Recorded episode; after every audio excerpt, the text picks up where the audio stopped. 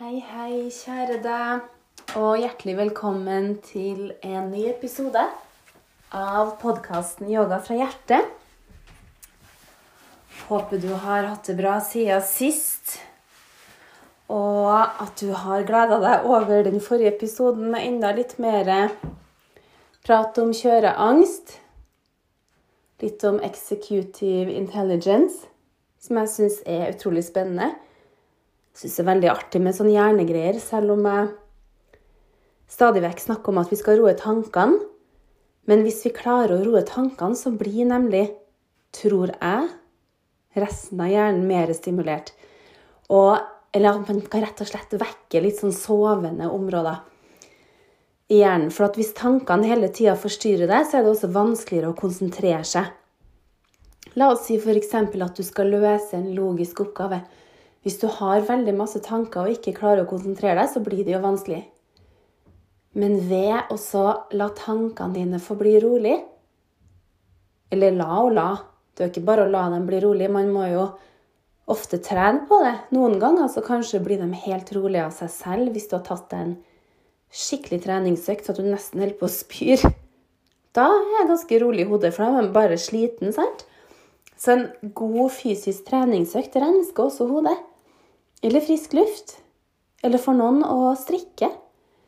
Eh, for andre å brodere eller tegne eller skrive. Noen har jo en måte å tømme hodet på, f.eks. med å bruke penn og papir. sant? Eller tenk om vi kunne gjort sånn som Dumbledore i Harry Potter, hvor han bare drar tankene ut av hodet med tryllestaven. For å sortere litt, og for å få oversikt. Det syns jeg var ganske kult. Men igjen, det å roe tankene Ganske sikker på, eller jeg kan Jeg er jo litt sånn, jeg har ikke lyst til å si så mye ting med sikkerhet, for jeg vil ikke påstå. Fordi vi er så forskjellige og eh, sånn. Men akkurat Jeg kan nok si jeg føler meg ganske trygg på, i hvert fall etter min erfaring, at det å roe tankene er positivt. Det må jeg tørre å påstå at det å få hodet til å være stille, det gir deg mer kontakt med deg selv. Du kommer litt nærmere den du virkelig er. Igjen så er det også helt naturlig med tanker, for det har vi. Men det er når det blir for mye, og når tankene dine gjør deg vondt. Det er jo da det blir et problem. sant? Har du masse kule tanker som bare gir deg masse glede, og ikke stress, det kan jo også bli for mange kule tanker. Sant? At det bare hoper seg opp. At du har lyst til å gjøre alt mulig rart. sant? Men så rekker du det ikke. Og at du har lyst til å gjøre for mye. Og da blir det på en måte negativt. Da blir det stress allikevel. Men så lenge tankene gjør deg godt, da, så er det ikke så farlig. Men det er gjerne når de der plagsomme tankene, eller at det er for mye av dem Det er jo da det blir problematisk. Og det er da det også blir problematisk å slappe av. Og problematisk å være til stede. Problematisk å få til oss å konsentrere seg om det som er her og nå. For hva er vitsen å ikke være til stede her og nå, da? For det her øyeblikket får du ikke tilbake. Og så kommer du til neste øyeblikk. Skal du da begynne å tenke på det øyeblikket som er akkurat nå? Hva er vitsen i det? Er det bedre å prøve å være til stede akkurat nå akkurat nå, da? Og så kan du være til stede i det som er seinere etterpå. Og så får vi håpe at du har vært litt til stede i det som har vært, for det får vi søren meg ikke gjort noe med. Derfor har vi bare tatt litt lærdom, sant? men så er det også Det er ikke det at du trenger å lære av hver bidige ting du har opplevd eller gjort. Men der det er noe lærdom å hente, så er det fint. Ellers bare fuck it. Gi slipp på det. Bli ferdig med det. For noen ganger så er det ikke sikkert at det kommer en sånn klar lærdom ut av det heller. Og da tenker jeg at pff, bare slipp det. Det er ikke så farlig. Det er ikke så farlig. Så jeg tror vi har godt av å ha en litt mer sånn lekende, dansende tilnærming til livet. Jeg har hørt noen ganger at Du, Marianne. Du som har så mye plager og har gått gjennom så mye vonde ting. at du klarer fortsatt å være så blid og ha det såpass bra, det er for flere ganske vanskelig å forstå. Jeg forstår det kanskje ikke helt sjøl, når jeg tenker meg om, så jeg har ikke noen god forklaring, men jeg tror jeg bare er født sånn. Det er vel egentlig det som er forklaringa, at noen er født med et lysere sinn enn andre. Tror jeg. Og jeg er nok såpass Eller jeg er nok velsigna, eller jeg velsigna, med et lett og lyst sinn. Så min naturlige form er veldig glad. Og ganske sånn trippende lett, hvis du ser for deg på en måte det. Eh, selvfølgelig kan jeg være dritlei meg òg. Jeg kan være sint, jeg kan være ja, lei, sliten, alt sånt der. Men jeg kan jo også være dødssliten, men samtidig lykkelig. Og jeg kan selvfølgelig også kjenne meg litt sånn depressed en dag, men det varer veldig kort til meg, da, så da er jeg nok ganske heldig. En sånn litt sånn depressed følelse, det sitter ikke i noe veldig lenge. Og så har jeg også blitt veldig oppmerksom. Bare 'Å, oh, så spennende. Nå kjenner, nå kjenner jeg meg litt sånn deppa. Hm. Ja. Prøve å observere det, og så bare prøver jeg selvfølgelig å grave litt òg. Jeg klarer jo ikke å la være, selv om man kanskje noen ganger bare skal akseptere at ja, nå er jeg litt sånn. Men jeg er jo så utrolig eh, nysgjerrig og sånt. Og utålmodig og skal liksom grave, grave, grave, grave, grave, grave. Grav til bunnen av ting. Mm. Og bare finne ut ah, hvorfor kjenner jeg meg litt sånn deppa. Ja, det kan være forskjellige ting, sant? Det kan være forskjellige ting som gjør det. Det kan være små ting, eller det kan være litt større ting som jeg må ta tak i. Og så sånn sett er det egentlig ganske greit, da, for da gir jo kroppen min beskjed om at oi, nå er det noe du må prøve å enten forholde deg til, eller ta tak i, eller rett og slett bare være litt snillere med deg sjøl, ta litt mer vare på meg sjøl, trykke meg litt mer vitaminer, spise litt mer sånn glad mat som gjør meg glad. Det har jeg også nevnt før, at hvis jeg har en periode hvor jeg er ganske sliten,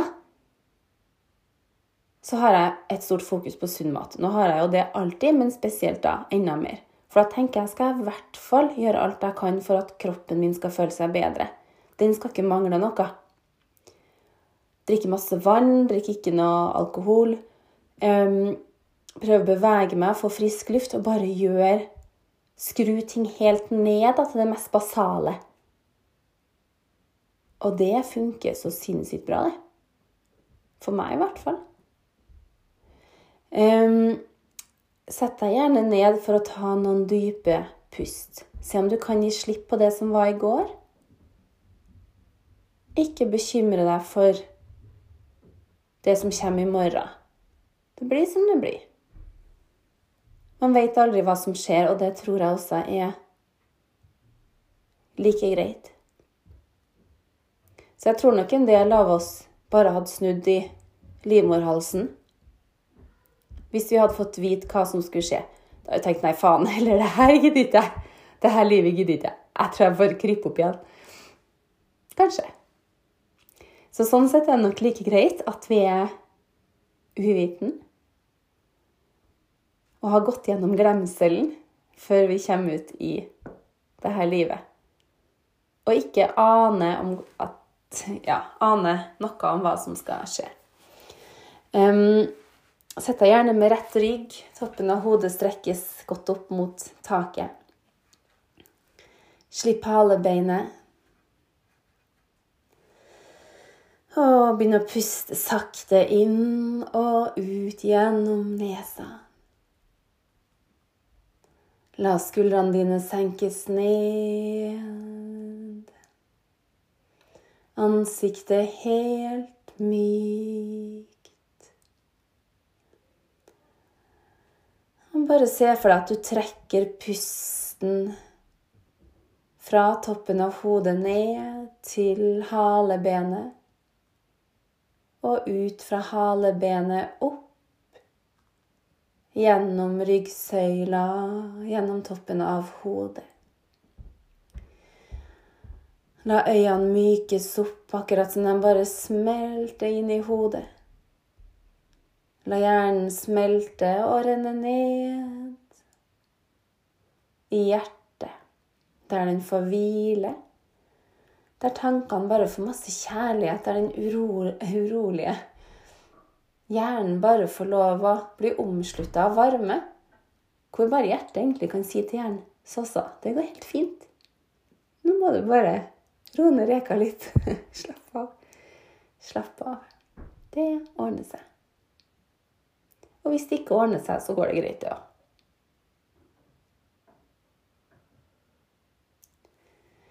bare legg merke til hvordan kroppen din er akkurat nå. Har kroppen din noe å fortelle deg? Er det noe han trenger? Er det noe han vil? Er det noen knuter, noen spenninger, noen opphopninger, blokkeringer som du kanskje kan puste godt inn i? Er det noe sted du har vondt, hvor du kan trekke pusten ekstra godt inntil? Eller se om du kan strekke deg enda litt høyere opp. Og slippe skuldrene enda mer, og se om du kan finne litt styrke i bekkenbunnen. Trekke skjedemuskulaturen godt sammen. Bekkenbunnen trekkes godt sammen, løftes opp. Skyver energien oppover i kroppen. Trekk også navlen lett inn og opp.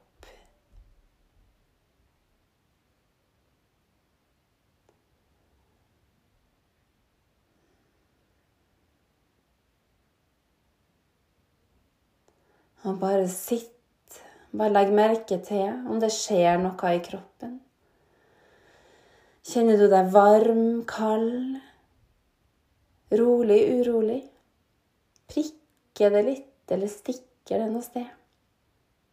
Er du kanskje kald på én hånd og varm på den andre?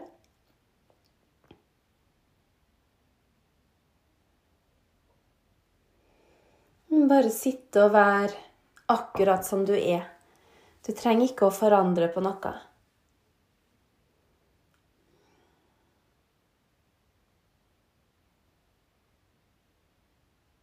Jeg har lyst til å fortelle litt om hvordan mine siste ja, to uker, litt under to uker, har vært.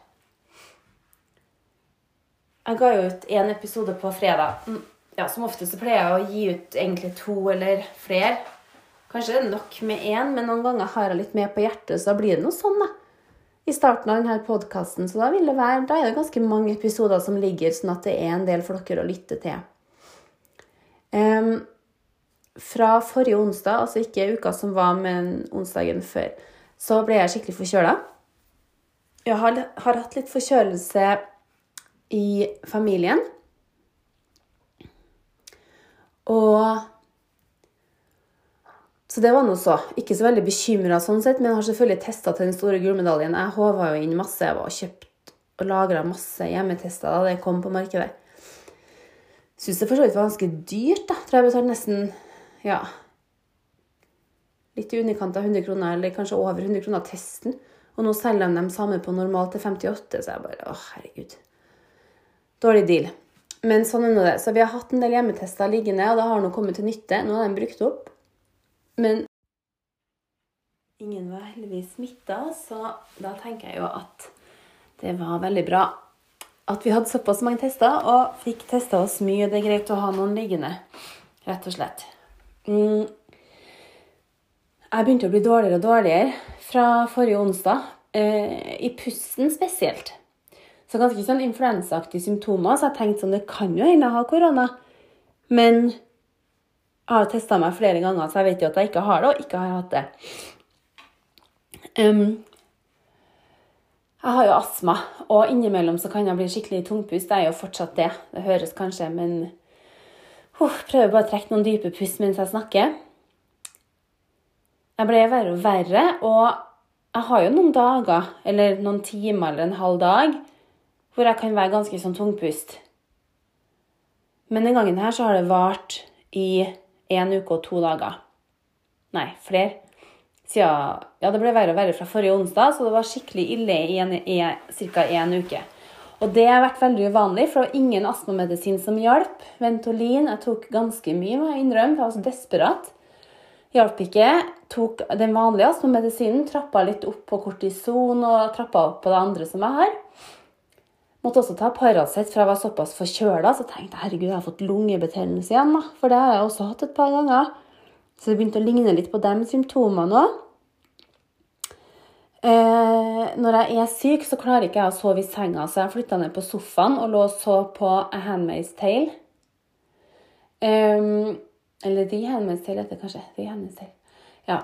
Men eh, jeg lå og så på det til jeg var sånn supertrøtt. Og så duppa jeg litt på sofaen og hosta og snøyt meg. Og hvis jeg duppa litt, så hendte det at jeg kvakk til for at jeg fikk ikke til å puste ordentlig. Så jeg liksom våkna av at jeg ikke fikk puste. Og det må jeg jo si, det er ikke for å klage, men det var så utrolig ubehagelig. En ting er å ha vondt et sted og føle seg klein og sånn. Det ah, syns jeg liksom Det tar ikke jeg så tungt. Men altså ikke få til å puste. Og jeg følte at jeg fikk verken dratt inn eller pusta ut. Lungene føles for trange. Sånn er det jo for andre som sliter med lungene, så vet man jo hva jeg snakker om. Men hvis for deg som ikke har opplevd å være tungpusta, så kan du se for deg at du tar et sugerør i munnen, og så holder du for nesa, så skal du kun puste gjennom det tynne sugerøret. Litt sånn kjennes det ut. Altså, det var ganske, ganske ubehagelig, og jeg blir jo selvfølgelig også da veldig sliten. For jeg får litt lite oksygen og blir ganske sånn slapp og sånn. Men bekymra? Nei, det blir jeg jo egentlig ikke, da. For jeg tenker at nei, det går sikkert over i morgen. Kjetil var ganske sånn frustrert, for han mente jeg skulle dra på legevakta for lengst. Eller i hvert fall til legen. Mamma det samme. Syns også at jeg skulle ha dratt for en sjekk. Men så er jeg bare sånn Nei, men jeg bare venter litt. Eh, for at det går sikkert over i morgen. Og det sa jeg jo hver dag. Det går sikkert over i morgen. Så hypokonder, det er jeg i hvert fall ikke. Det er vel i andre enden. Um, men ja, det ble mer og mer ubehagelig. Det ble det. Og så ble det også ca. en uke med nesten ikke noe søvn pga. at jeg var såpass tett. Mista også litt matlysten. Uh, hadde til og med ikke lyst på kaffe. Og det, for dere som kjenner meg, det er svært uvanlig. For at kaffe, det er en av mine sånne lykkepiller. Jeg elsker kaffe, rett og slett. Elsker det, elsker det, elsker det. Så de få gangene i livet jeg ikke har drukket kaffe, det har vært når jeg har vært sånn megasyk. Altså omgangssyk, i hjernen, da. Enten det, eller at jeg har vært gravid eller akkurat har født. Da har jeg ikke hatt lyst på kaffe. Jeg har ikke akkurat født, jeg er ikke gravid, men jeg var jeg har vært så dårlig at ikke kaffe engang frister, og det er uvanlig. Det som har skjedd nå, er at jeg faktisk har kutta ned på kaffen, så det er jo ikke så dumt. For jeg har drukket ganske mange kopper, altså fort vært oppi ja, fem-seks kopper kanskje om dagen. Ja, fem i hvert fall. Ja, cirka. Men um, nå så har jeg vel Nå tror jeg kanskje jeg er på min fjerde kopp nå, da, faktisk. Så jeg vet ikke hvor mye jeg skal skryte at jeg kutta ned. Så jeg kanskje blir fire i dag, da. Blir vel det, da. Men um, jo, også litt av også grunnen til at jeg ikke hadde lyst å dra til legen og legevakta, var den frykten for at hva om de ikke kan hjelpe meg? For det er på en måte enda verre. En ting er jo hvis du er hjemme og bestemmer sjøl at 'jeg skal ikke ha hjelp ennå'. Da er det på en måte greit, for da har du kontroll selv. Men hvis man bestemmer seg for at 'jeg vil ha hjelp', og så får du det, det er et slag i trynet. Så det var også litt av grunnen at jeg tenkte at nei, kan de bare si at nei, alt i orden, ingenting som syns, pell deg hjem, liksom. Kunne for så vidt ha dratt til fastlegen, som er en helt fantastisk kar, som alltid er på min side. Det kunne jeg gjort. Og jeg kunne også dratt til lungelegen, som også er en helt fantastisk mann. Men nei da. Eh, sta som jeg kan være, så bare nei. Jeg venter. Og hvis jeg nesten holder på å dø, så ringer jeg ambulansen. For jeg kan jo ikke dø. Det går ikke an. Men eh, Ja. Jeg fikk jo gjort de gjøremålene jeg skulle gjøre uansett, bare i veldig sakte tempo. Sånn er det jo med mammaer. Vi gjør det vi skal uansett. Jeg har vel så å si aldri opplevd å vært såpass syk at jeg ikke får til å gjøre pliktene mine, da, eller å hjelpe barna med det jeg skal hjelpe til med, ordne mat, dyp sånne ting. Jeg bare gjør det i veldig sånn sakte tempo når jeg er dårlig. Så har det alltid gått bra. Jeg tror jeg har en litt sånn drivkraft, kanskje. Sånn, eller jeg er ganske seig, det er vel det det kalles. Ganske seig. Men i hvert fall så eh, Jeg har ringt og snakka med legevakta en dag. Og det var ikke fredagen som var, men fredagen før, for da var jeg ganske tett. Og de var så snille. Hun dama jeg snakka med på linja, hun var bare sånn Å, hun liksom syntes synd på meg, da. Og da kjente jeg Da ble jeg søren meg på gråten. Når det kom litt sånn hjertelig stemme, og hun bare Ja, men du kan jo bare komme hit en tur, vet du. Og du må ha veldig lav terskel for å ringe oss. Og hvis du kjenner deg plutselig veldig alvorlig tungpusta, så må du ringe ambulansen. Og hun var helt sånn supersnill og bare ring når du vil. Så skal vi hjelpe deg. Og da var det helt sånn Å, gud. Det var veldig godt å vite. Eh, det gikk jo en stund igjen. Det gikk over helga. Jeg var like ille. Helga gikk med rett og slett bare til å puste. Bare puste meg gjennom dagene. Kjetil superbekymra. Han måtte jo sove alene, noe som han heller ikke liker, for han får ikke til å sove noe særlig godt. Og det var en dag jeg hadde lagt meg på badegulvet, så lå jeg sånn og småduppa. Elsker å sove på badegulvet. Plutselig så kommer han, opp, eller han tar opp døra, så kommer han bare styrtende bort og rister i meg. For da trodde han at jeg hadde svimt av eller noe. Men Det er veldig søtt, da. Men han har nok vært en del mer bekymra enn det jeg har vært. Men så, så helga gikk med til å puste. Det er forrige helg, da. Og så på tirsdag morgen, eller det var mandag morgen, tror jeg. Mandag morgen da jeg sto opp Kjetil var faktisk hjemme fra jobb, for han var litt shabby han òg. Jeg tror det var mandag morgen da jeg sto opp, så bare gikk jeg ned fra soverommet, ned trappa, og så kjente jeg meg bare så dårlig at jeg begynte bare å grine med en gang. Og det var sånn type hikstegrin, at kroppen bare liksom begynte å riste da, av seg sjøl. Og Kjetil visste jo ikke hva godt han skulle gjøre. Og jeg måtte gå og sette meg i døråpninga. Det var jo typ ti minus. For at jeg klarte ikke å puste. Og måtte da ha frisk luft ut. Og satt der og gråt og gråt og gråt. Det hjelper jo ikke akkurat til, for jeg noe tettere i nesa. Men, men, så liksom klarte jeg å roe meg ned, og så bare fortsatte jeg å puste meg gjennom den dagen. da. Fortsatt ikke noe sånn veldig bekymra. Jeg ble bare egentlig litt sånn lei meg for at jeg ikke fikk til å puste og syntes det var ubehagelig. da. Så kom tirsdag, og jeg tror det var Ja. Da kjente jeg jo etter hvert utpå morgenen at herregud, det blir jo svarte meg ta ikke bedre. Nå har det gått nesten ei uke, og jeg er ikke noe bedre i hele tatt egentlig bare blitt verre. Og så ringer mamma og forteller å, jeg så artikkel om deg i avisa i dag. Da kom artikkelen om kjøreangst ut, og jeg kunne nesten ikke bry meg mindre. For jeg var bare sånn Ja, nei, men det er fint, det, men jeg holder på å dø her. så den artikkelen Ja, det er sikkert stas med oppmerksomhet og sånn, men eh, jeg er dårlig. men, eh, så, det, så, den kom nå ut akkurat den dagen hvor jeg Da kom den i adressa bare, da. Vel å merke, dagen etterpå kom den i de andre avisene. Aftenposten, Stavanger Aftenblad, Bergens Tidende og litt, ja, flere. Um, men da kjente jeg etter hvert at OK, nå ringer jeg og bestiller time hos fastlegen. Eller prøver å få det. Og så fikk jeg ikke det, for de hadde ikke tid til å ta meg inn for dagen etterpå. Men da hadde jeg først bestemt meg at nå vil jeg ha hjelp, for nå er jeg dritlei av ikke få til å puste. Så nå vil jeg bare ha hjelp, rett og slett, så jeg får det bedre, da. Eller jeg ville søren meg bare puste. Enkelt og greit. Og da bestemte jeg meg for at nå ringer jeg legevakta. Um, og for da begynte jeg å bli tettere og tettere, og jeg kjente at tårene begynte å komme. Så da fikk jeg snakka med legevakta, og snakka først med ei som var supersnill. Og hun sa at vet du, enten så kan du faktisk få en sykebil hjem til deg.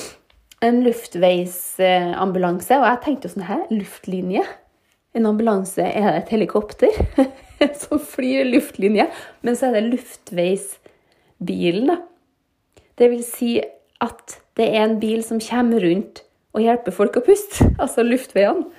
Og tenker herregud, så fantastisk. Jeg tenkte først åh, det vil jeg jo ha. En som kommer på hjemmebesøk, så slipper jeg å dra.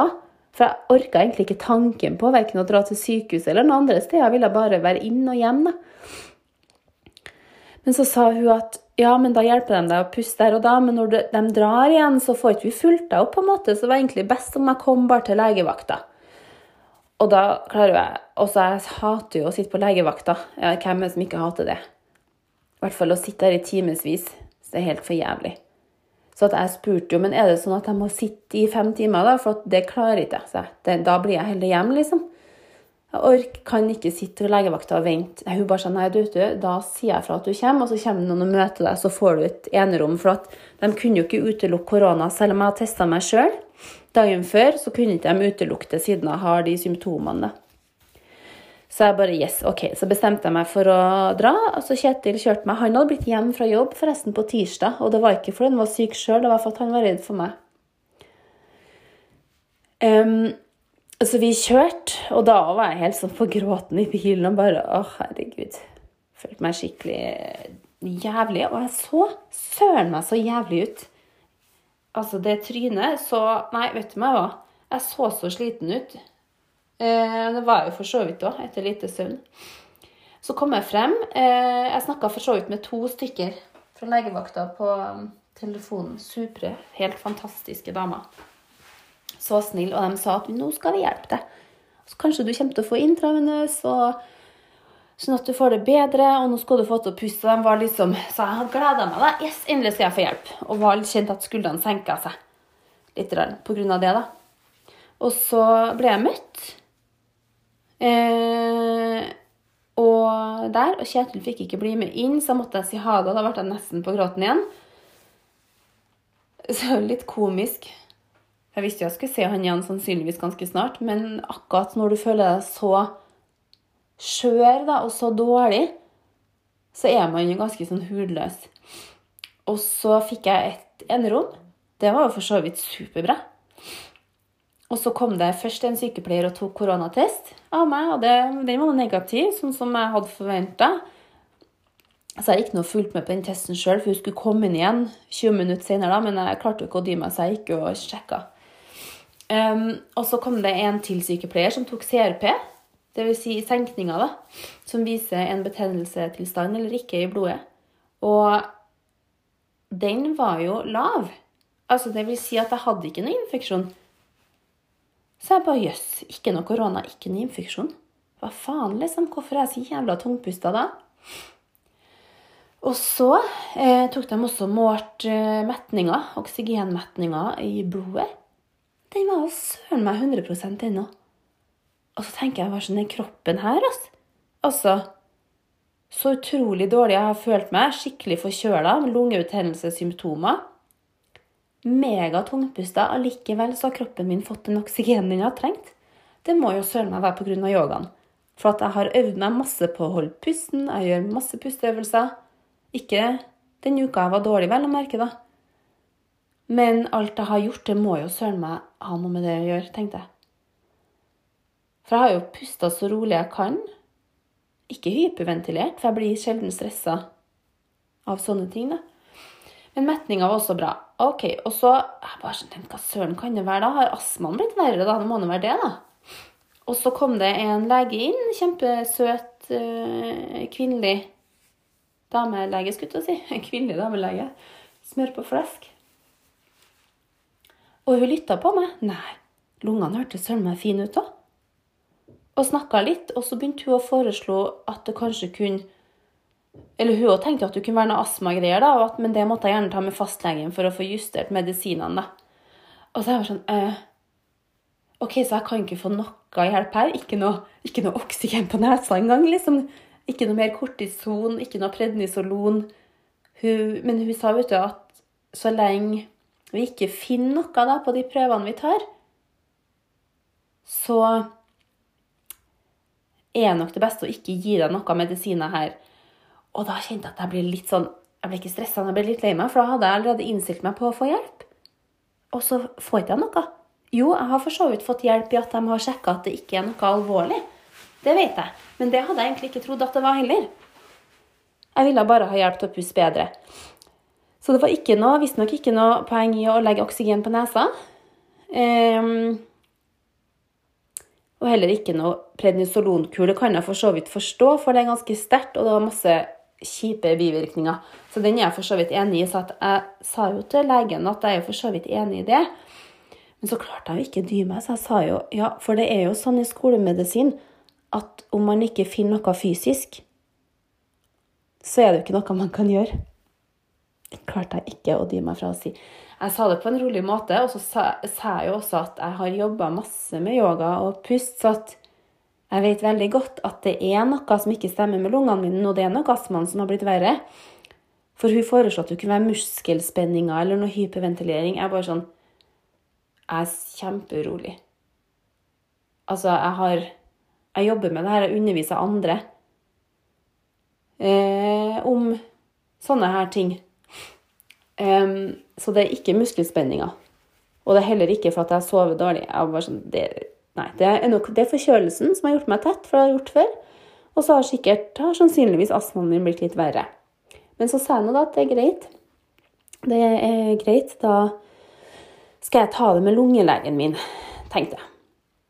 Så, og hun var supersøt, hun legen. Kjempesnill. Og jeg forstår jo at ikke hun kunne sette i gang noe annet når ikke hun fant noen kliniske bevis. Det er jo som sagt sånn i skolemedisin.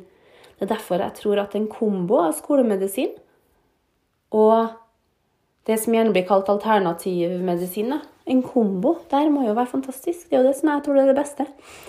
Eh, men det hun sa, da For at jeg tror kanskje at hun Eller hun tok meg på alvor, det gjorde hun, altså. Men så sa hun at du hvis du vil, da, så kan vi jo ta et røntgen. Du kan få ta et røntgenbilde før du drar. Da sa jeg ja, ja, kjør på. Gjerne det. Så ble jeg henta av en portør som skulle følge meg. De kommer med en rullestol først. Jeg er bare sånn Nei, det blir litt for dramatisk. Det trenger jeg ikke. Jeg klarer å gå selv om jeg har dårlig pust. Så da gikk jeg sammen med en portør eh, til hjerte-lungesenteret og fikk tatt røntgen ble også fulgt tilbake. Hvis ikke tror jeg jeg gått meg bort, hadde jeg måttet ha gått ut. Da hadde jeg kommet til å finne veien. Men det er så mye ganger på St. Olav så at det er lett å gå seg bort hvis man skal gå innvendig. Um, og så viser det seg Altså, jeg venta ganske lenge da på å få høre om det røntgenbildet. Så jeg slappa av i seng. Hadde ikke fått i meg noe mat eller noe den dagen, bare drukket. Og så viser det seg nei. Lungene så jo helt supre ut på røntgen nå. Så jeg bare sånn Å, herregud. Det er ikke at jeg vil de skal finne noe. Nei, absolutt ikke. Men jeg hadde veldig lyst til at det skulle bli gjort noe med den tungpustheten. Det var det jeg hadde villet. Men da tenkte jeg at ja, ja, da er det bare å ta sakene sine. Og jeg hadde jo søren meg pakka en koffert òg. Jeg hadde tatt med meg Viken-kofferten min, for jeg var ganske sikker på at jeg kom til å bli lagt inn. Ah. Men den gangen Jeg tror jeg var vel på legevakta rundt en tre timer. Tre og en halv time eller noe. Mm. Altså, jeg syns jo egentlig at det gikk ganske effektivt denne gangen, da. Det syns jeg. Men da, da jeg fant ut at jeg ikke kunne få noe hjelp Jeg takka høflig for meg og sa ha en fin dag og god jul og sånt til legen, som var veldig skjønn. Og da tenkte jeg nei, da går jeg nå. Og så skulle Kjetil og Noah komme og hente meg. Men Noah var hos frisøren, så Kjetil var med han. Så de var ikke helt ferdige ennå. Så tenkte jeg nei, da går jeg søren meg opp til mamma. Som ikke bor så alt eh, Ja, hun bor et stykke unna, for så vidt. Men ja, jeg fant ut at jeg skulle gå, i hvert fall. Så da marsja jeg først til Dromedal og kjøpte meg en kaffe. Og det var dritkaldt, og det var snø, så jeg gikk og dro på en sånn liten koffert. Tungpusta fortsatt. Eh, et godt stykke. Så jeg dro jeg til mamma, og så kom Noah og Kjetil og henta meg. Og så sånn var det. Dagen etterpå så begynte jeg å kjenne meg bitte litt bedre. Sånn 10-20% bedre. Og det ligger sånn Nå er jeg vel sånn 40% bedre. Sammenligna med det jeg var den tirsdagen jeg var på legevakta. Eller det er jo under ei uke siden det. For så vidt. I dag er det mandag 6. desember. Um, så det, altså hvis jeg tenker, hvis jeg skal dra noe lærdom ut av det her, da, så tenker jeg kanskje jeg skulle bare ha stolt på meg sjøl at jeg ikke skulle ha dratt på legevakta. For jeg hadde jo blitt bedre dagen etterpå likevel. Og det var ikke noe sånn at jeg var veldig urolig, og at jeg trengte å dra på legevakta for å få vite at alt var i orden. Det var jo ikke noe sånn. Men ja, det jeg kanskje også har lært, er at jeg skal ha noen medisiner i bakhånd. Så jeg skal ta en ordentlig prat med lungelegen min, forklare han situasjonen og fortelle hva som skjedde, og hvor ubehagelig det faktisk var. Jeg kan ikke oppleve det igjen og gå en hel uke uten at astmamedisiner har hjelper. Så jeg skal spørre om å ha noe om det er noe kur eller kortisonkur, tablettkur, et eller annet som jeg kan ha i bakhånd til eventuelt det skjer igjen. Jeg er fortsatt litt forkjøla, men begynner å bli bedre og bedre, så jeg tror nok også at tungpustheten letner litt pga. det. Jeg har trappa opp kortisonen min, inhalatorene som jeg har. Så kanskje det også har hjulpet litt. Så da har dere fått hørt litt om min siste uke. Mm. Jeg rakk jo ikke å fortelle om det her da jeg spilte inn den forrige podkasten, for det tror jeg jo på torsdag. Så da hadde jeg vært på sykehuset, men da hadde jeg litt andre ting på hjertet. Og så tenkte jeg at jeg tar det seinere når jeg føler meg litt bedre. Så hvis dere la merke til det, så var jeg skikkelig tett da jeg spilte inn. Men sånn er det. Jeg prøver. Planen min er også å prøve å spille inn en episode i uka, selv om jeg er syk, eller selv om jeg er på ferie. Så jeg prøver så godt jeg kan på det. Tusen takk til deg som har lytta. Sender deg masse gode tanker og håper du klarer å være til stede i førjulstida. Det blir en podkast om juletradisjoner som jeg gleder meg veldig til å dele med dere. Ha en nydelig dag.